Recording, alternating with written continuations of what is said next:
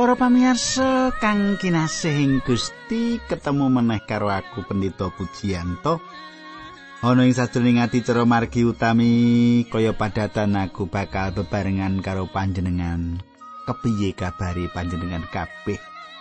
Apa apik-apik, apa tansah diberkahi dening Gusti? Yo pandungaku pancen mengkono. Ing saben-saben panjenengan tak dongake supaya kabeh sing ngrungokke adicara iki tansah diberkahi dening Gusti. Semono aku supaya sehat kuwi kabeh awit saka pandonga panjenengan. Sugeng midhangetake adicara iki.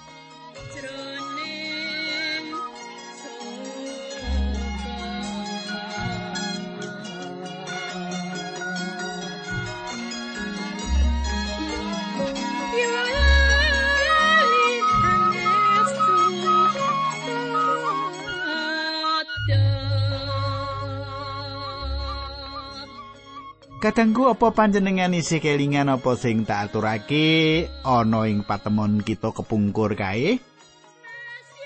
Tak ringkes wae yo ing sajroning patemon kita kepungkur kita wis ngegilut yen kabeh pengadilan jagat wis dipasrahake Allah Sang Rama marang Gusti Yesus Kristus. Mengkono, banjur kepiye sak teruse? Aku bakal ngaturake sak teruse nanging sadurunge kuwi ayo kita ndedonga dhisik.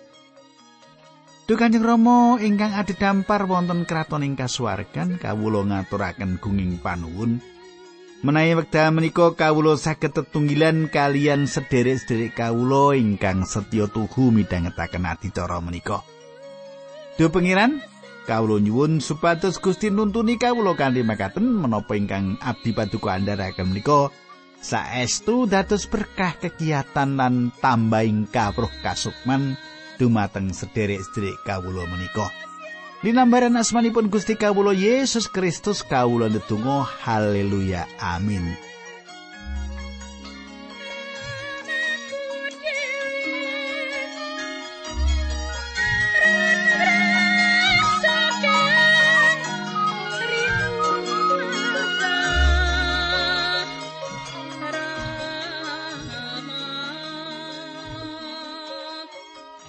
Kadangku kang dak tresnani apa panjenengan wis nyawisake kitab suci lan wis lenggah kanthi sekeca ana ngarepku kene. Ayo panjenengan semak awit aku bakal mbabar sabdo suci tumrap panjenengan kabeh.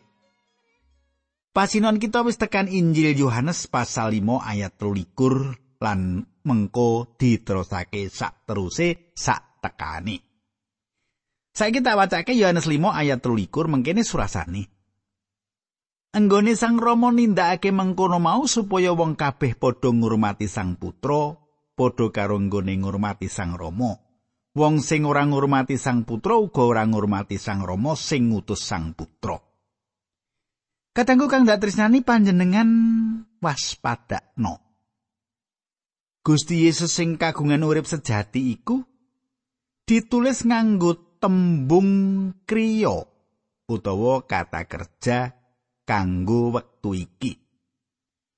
Ana telung pengakone Gusti Yesus iki uga bisa disebut telung patokan gedhe.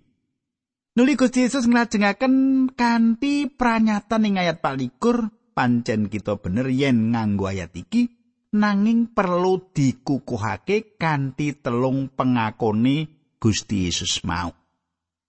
Ayat 24 Kowe padha ndak kandhani wong sing ngrungokake tembung kulan percaya marang sing ngutus aku, wong kuwi ngalami urip sejati. Wong mau ora bakal dihukum wis lolos saka ing pati lan mlebu ing urip. Katengku, tembung ipat-ipat iku tembung liya saka pahukuman. Wong percaya wis dipindahake saka pati menyang urip. Sopo sing ngendikake bab iki iki janji sing luar biasa. Nanging banjur sopo sing ngendika iki perkara sing banget wigati. Ayat iki ayat sing indah. Wong sing ngrungokake tembung kulan percaya marang sing ngutus aku, wong kuwi ngalami urip sejati. Wong mau ora bakal dihukum, wis lolos saka pati lan mlebu ing urip. Sopo sing ngendikake? Sopo sing ngendikake? Yohanes 5 ayat selawe lan 28 Gusti ngendikake telung pengakon sing ndasari ayat iki Gusti Yesus iku Allah ayat 19 panjenengane sing nguripake wong mati ayat selikur lan panjenengane dadi hakim ayat rolikur kalenggane Gusti Yesus iki sing kuwowo maringi pranyatan sing ngedapi-dapi iki Nuli ana pranyatan agung liyane sing dingendikake coba panjenengan semak Yohanes 5 ayat selawi. Padha ngandelo bakal ana wektune malah saiki wis klakon wong mati padha krungu suarane putrane Allah lan wong sing padha ngrungokake bakal urip. Ayat 21. Aja gumun menawa kowe padha krungu perkara iki ya kuwi yen bakal tekan wektune saking wong mati sing ana ing kubur bakal krungu suarane sang putra. Apa sing dikersakake Gusti Yesus nalika ing ayat selawi ngendika bakal ana wektune? Katengku, pancen urip kita saiki ana ing kahanan ngenteni wektu sing teka. Ing ayat 12 ditulis kanthi cetha yen wektune durung teka, nanging mesti bakal teka. Kita saiki urip ing jaman kalonggaran nek basa kanane dispensasi sing bakal terus maju tumuju ing sawijining kahanan. Para wong sing wis padha mati bisa krungu swara putrane Allah lan saben sing padha krungu bakal keparingan urip Yen kita saiki urip ing mangsa sing arep teka, mongko Gusti Yesus ngendika yen wektune wis teka, apa tegese? Sapa ta wong mati sing padha krungu swara putrane Allah ing jaman iki? Ing Yohanes 11 katanggu, kita bisa nyemak lalakon nalika Gusti Yesus nguripake Lazarus saka pati. Nuli, apa ngendikane Gusti Yesus marang sedulure wadon loro Lazarus? Coba Yohanes 11 ayat selawe tekan 26 tak wacake kanggo panjenengan. Pangandikane Gusti Yesus marang Marta. Sing nangekake wong mati kuwi aku. Lan sing menehi urip marang manungsa kuwi aku. Wong sing percaya marang aku senadan wong mau wis mati bakal urip meneh. Lan wong sing isih urip sing percaya marang aku ora bakal mati ing salawase. Apa kuwi percaya bab kuwi? Sumitraku kang ndak tresnani senadan dheweke wis mati. Senadan dheweke wis mati, ukara iki nyethakake yen wong sing mati wis ana jerone kubur. Iku ora ngono sing dimaksudake mati secara rohani. Mati tegese pisah karo Allah. Nah, wektu kanggo wong-wong mati sing wis padha kakubur padha krungu suarane, swara panjenengane banjur padha urip. Nanging wektune wis teka kanggo wong-wong sing mati secara kasukman padha krungu suarane panjenengane. Krungu swara panjenengane lan padha nampani kauripan. Paulus nulis marang wong-wong ing Efesus yen wong-wong mau wis padha mati jalaran nggone padha nglanggar dawuh Allah lan tumiba ing dosa Banjur meneh sing isine kurang luwih sing sapa ngrungokake pangandikaku lan percaya marang sing ngutus aku, dheweke bakal duweni urip sejati lan ora bakal kena pahukuman. Jalaran dheweke wis pindah saka mati secara kasukman banjur dadi urip.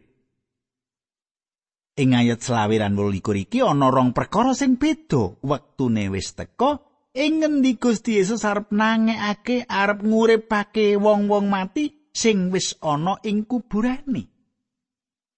Saiki tekan ayat 6 nganti 17 Yohanes bab 5 mengkene surasani. Sang Rama maringi urip marang samubarang sing ana ing donya kene. Kaya mengkono uga Sang Rama wis maringake panguwasa marang Sang Putra dadi sumbering urip supaya maringi urip marang samubarang sing ana ing donya. Sang Rama wis maringi panguwasa marang Sang Putra nindakake pengadilan sebab panjenengane ya jumeneng putrane manungsa. Katengku Gusti Yesus sing maringi urip marang sakabeh panguripan. Panjenengane ora mung sing kagungan urip, nanging uga sing maringi urip. Nanging panjenengane uga kagungan hak kanggo ngadili. Panjenengane rawuh sing sepisanan jumeneng dadi juru wilujeng, nanging rawuh sing kaping pindho bakal jumeneng dadi hakim. Nalika iku kabeh wong sing wis mati ana ing kubur padha krungu swara panjenengani. Ayat 29 Banjur padha metu saka kubure, kabeh wong sing nglakoni kabecikan bakal katangekake supaya urip ing selawase, nanging wong sing nglakoni piolo bakal ditangekke perlu dihukum. Kadangku, Wahyu 20 ayat 4 6. Nuli tangine raga sing kapindho Wahyu 20 ayat 11 nganti 15. Tangi pati utawa tangine raga sing sepisanan dialami dening wong-wong sing wis kawilujengake. Kita bisa ngandhakake yen lelakon iku lelakon gereja katangekake kasengkake ngaluhur. Tembung katangekake kasengkake iku saka basa asline basa Yunani arpagesometa. tak ajari basa Yunani ben pinter jenenge ya Nah, Paulus nganggo tembung iku ing siji Tesalonika papat ayat pitulas. Mungkin surasane nuli kita sing isih padha urip bakal kaklumpukake kabeh ana ing mega karo sing mentas padha katangake mau. Metokake Gusti ana ing langit sebanjure kita bakal nunggil karo Gusti ing selawas-lawase. Kadangku. Lelakon iki bakal kelakon ing sawijine wektu sing arep teka. Ora dikandhakake tanggal pira sasi apa taun pira tur ora ana tondo-tondone. Lelakon iku bisa kedadian kapan wae. Allah bakal nimbali kagungane ya sing isih urip apa dene sing wis padha mati. Iki ana wektu tangine raga sing sepisanan. Banjur nalika mangsa kasangsaran gedhe teka kadangku akeh wong pradaya sing padha mati sahid. Nek basa Yunanine martir, mati jalaran ngugemi kapiyandelane utawa imane. Wong-wong iki arep katangekake ing mangsa pungkasane kasangsaran gedhe iku bebarengan karo para wong suci saka perjanjian lawas. iki isih klebu ing bagian tangine raga sing kapisanan yaiku lakon tangi sing nganti marang urip sing sejati kaya sing dipangandikake Allah ing kitab suci Kadangku nuli kedadian tangine raga sing kapindho yaiku wektu pengadilan dampar putih. Kabeh wong sing ora dislametake bakal ditangekake. Wong-wong mau bakal diadili adhedhasar tumindak uripe lan bakal nampa paukuman murwat karo keluputane. Wong-wong iki arep padha dikumpulake ana ngarsane Allah kang Maha Adil lan Maha Wicaksana. Ing ngarsane Allah sing Maha Suci, saben wong bisa mbela kabeh tumindak sing wis dilakoni. Allah wis paring dawuh marang wong-wong mau yen wong-wong sing wis dislametake ora ana siji wae sing ana ing pengadilan dampar putih iki iki mung kanggo wong sing ketriwa sing bakal nampa paukuman murwat karo keluputani jalaran paukuman mau ana undo usuke Panjenengan bisa semak ing Lukas rolas ayat patang puluh pitu nganti patang puluh walu. Saiki Yohanes 5 ayat telung puluh. Tak wacake yo. Gateke. Aku ora bisa nindakake apa-apa saka karepku dhewe. nggonku ngadili kuwi manut apa sing didhawuhake dening Gusti Allah marang aku. Mulane putusanku kuwi adil awit aku ora nuruti karepku dhewe. Aku mung manut kersane Sang Rama sing ngutus aku. Kadangku Gusti Yesus ngendika aku ora bisa nindakake apa-apa saka karepku dhewe. Panjenengane rawuh ing bumi iki kanthi matesi pribadine manjalma dadi menungsa. Panjenengane rawuh dadi menungsa ora kanggo nindakake sak kersane dewi nanging kersane Allah Sang Rama. Iki dadi tepo palupi tumrap kita ing jaman saiki. Panjenengan lan aku duweni kepinginan gawane sifat manungsa lawas sing ora setya tuhu marang Allah. Kita pancen ora bisa setya tuhu marang Allah jalaran kita ana tengahe pemberontak kita marang Allah iki kahanane saben manungsa. Gusti kita ngendika marang Nikodemus supaya dheweke dilairake meneh. Wong sing isih ana kahanan kedagingan ora bisa gawe rena penggalihe Allah. Saiki coba panjenengan semak Yohanes 3 ayat 6. Sing lair saka wong tuwa kita ana ing donya kuwi badan wadak nanging badan rohani kita lairake saka Gusti Allah ing swarga. Pamirsaku panjenengan lan aku kudu kalirake meneh. Jalaran apa?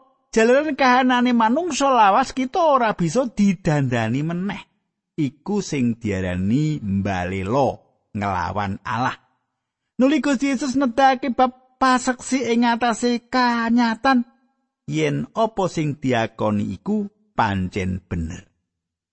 Ayat telung puluh siji tekan telung puluh Yohanes 5.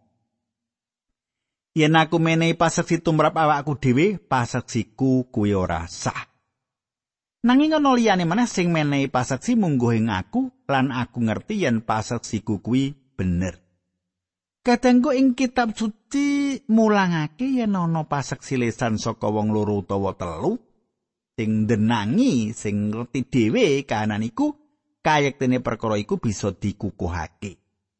Aku nyeksekake pribadiku dhewe. iku ora cukup kanggo bukti supaya dikukuhake perkarane nanging ana wong liya sing nyeksekake bab aku saksi sing dingendikake iki dudu Yohanes Pembaptis wong akeh sing padha ngrubung Gusti Yesus nganggep yen apa sing dingendikake iku mesti Yohanes Pembaptis nanging Gusti Yesus ngendika yen apa sing dingendikake mau ora seksi saka menungso coba panjenengan semak ayat telung puluh telu. Kowe wis padha kongkonan wong marang Nabi Yohanes Pembaptis supaya takon bab aku lan Nabi Yohanes Pembaptis wis menehi paseksi sing bener mungguh ing aku.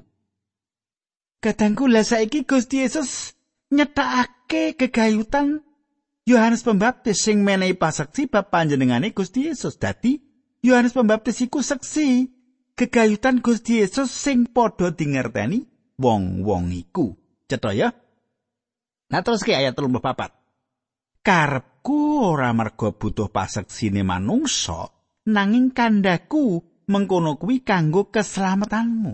Kadangku, Gusti Yesus lagi ngendikake bab seksi sing luwih dhuwur ketimbang manungsa. Nanging Gusti Yesus uga nyeksekake bab Yohanes Pembaptis.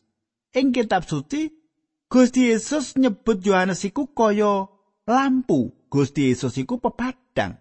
Yohanes iku seksine sing dadi lampune mengkono. Ayat 35 nganti 36 Nabi Yohanes kuwi kaya lampu sing murup lan sing madangi lan mung sawetara mangsa kowe gelem kepadangan sunare lampu mau nanging aku duwe paseksi sing luwih kuat ketimbang karo paseksine Nabi Yohanes ya kuwi sakaing penggawe sing didhawuhake dening Sang Rama sing kudu dilakoni lan sing ditindakake saiki iki kabeh penggawe sing ditindakake saiki kuwi mbuktekake yen aku iki diutus Sang Rama.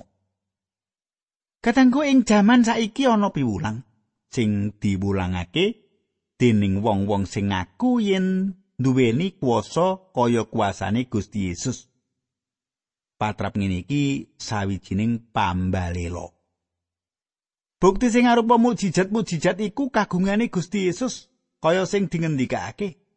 Gusti Yesus ngrawuhi wong-wong ing ngendi malah sing ana pinggir dalan uga nalika panjenengane makarya akeh wong sing padha diwarasake saka sakai penyakit bola bali Injil nyritakake perkara iki. Sing padha diwarasake saka penyakit dening Gusti Yesus iku ora mung wong siji utawa loro nanging nganti atusan. Malah ana sing duweni panemu yen ewon iku kabeh ditindakake ngarepe wong akeh ora sesideman ora ana wong sing bisa nyelaki apa sing ditindakake dening Gusti Yesus mukjizat-mukjizat iku bukti pakaryane lan nyatakake yen panjenengane pancen diutus dening Allah Sang Ramani ayat 37 nganti 39 mengkene surat sane apa maneh Sang Rama sing ngutus aku uga wis maringi paseksi munggo ing aku. Kowe durung tau padha krungu swarane utawa weruh rupane. Kowe padha ora gelem ngestokake pangandikane sebab kowe padha ora percaya karo wong sing diutus dening Sang Rama mau. Kowe padha nyinau kitab suci mergo ngira yen srana nyinau kitab suci mau, kowe bakal oleh urip sejati, mongko kitab suci kuwi nekseni bab aku. Kadangku kang datesane ayat sing pungkasan iki akeh sing padha salah ngerti. Salah paham. Ayat iku dudu sawijining perintah nanging keterangan. Kowe padha nyinau kitab suci. Sarana iki dianggep yen banjur bisa etuk urip sejati, mongko isine kitab suci iku nerangake bab Gusti Yesus. Yohanes 5 ayat 40. Nanging kowe padha ora gelem marani aku supaya oleh urip sejati. Kadangku kitab suci nyritakake bab panjenengane. Nanging para pemimpin agama padha ora gelem marek marang panjenengane. Wong-wong iku padha mlenceng pandugane ora ngerti saripati isine kitab suci. Saiki Yohanes 5 ayat 41 nganti 43. Aku ora kepingin dihormati dening wong. Nanging aku ngerti kaananmu yen ing sajroning atimu kowe ora tresno marang Gusti Allah. Tekaku iki atas asmane ramaku, nanging kowe padha nampik aku menawa ana wong liya sing teka atas jenenge dhewe kowe padha gelem nampa wong mau. Kadangku ing sawijine wektu mengko antikristus bakal teka. Lan wong-wong ing donya akeh sing padha percaya donya wis padha nampik sang Kristus lan antikristus sing arep teka adhedhasar jenenge dhewe kanggo kamulyane dhewe arep gawe recane dhewe lan kok ya kebangetan donya iki padha sumuyut marang dheweke. Yohanes 5 ayat 44. Kowe padha ora gelem percaya sebab kowe padha duwe pamrih. Kepingin dihormati dening pepadamu lan ora nggayuh kahormatan kang saka Gusti Allah sing asipat tunggal. Katengku, wong-wong iki padha golek hormat kanggo pribadine. Padha laku julik, ngatok, menjilat lan kahanan iki bisa kedadian ing gereja sing dianggep apik saben wong padha dene ngalembono ora ngandhakake apa sing bener wong-wong iki ora kepengin etuk pangalembono saka Allah sing Maha Tunggal Kadangku tak terus ke Yohanes 5 ayat 45 nganti 47 mengkini surasane. Aja ngira yen aku bakal ngugat kowe ing ngarsane Sang Rama, sing ngugat kowe kuwi malah Nabi Musa. Sing kok endel-endelake menawa kowe percaya temenan karo Nabi Musa kowe mesti uga percaya karo aku sebab Nabi Musa nulis bab aku. Nanging yen kowe padha ora percaya marang sing ditulis dening Nabi Musa kepriye bisa mu percaya marang apa sing ndak kandhakake? Katangku iki wigati banget. Sepisan maneh iki wigati banget Toret sing sak perangan wis kita sinau. Kabeh padha ngarah tumuju marang Sang Kristus. Senajan ora saben kaca ing Injil Yohanes iki nyritakake bab iku, nanging saben kaca kitab Taurat tumuju marang Gusti Yesus Kristus. Panjenengane ngendika, Musa nulis bab aku. Kita percaya yen meh saben isine kitab suci kabeh ngawrat bab panjenengane. Nalika ana wong sing nyerang perjanjian lawas sing ati-ati jalaran iku uga ateges nyerang Gusti Yesus. Perjanjian lawas iku pondasine. Gusti Yesus ngendika, "Yen kowe padha ora percaya apa sing ditulis, kepriye kowe padha percaya marang apa sing ndak ngendikake?" Loro-lorone iku dadi siji. Sumitraku, semene dhisik atur giaran iki muga-muga panjenengan sak berat biner kayan isine kita tutup kanthi pandonga. Duh Allah, Allah sejati sejatining Allah ingkang dados sesembahan kawula sami kawula ngaturaken gunging panuwun. Menawi wekdal menika kawula saged midhangetaken sabda pangandikan paduka. Kawula nyuwun berkah paduka linambaran asmanipun Gusti Yesus Kristus kawula tumuh haleluya. Amin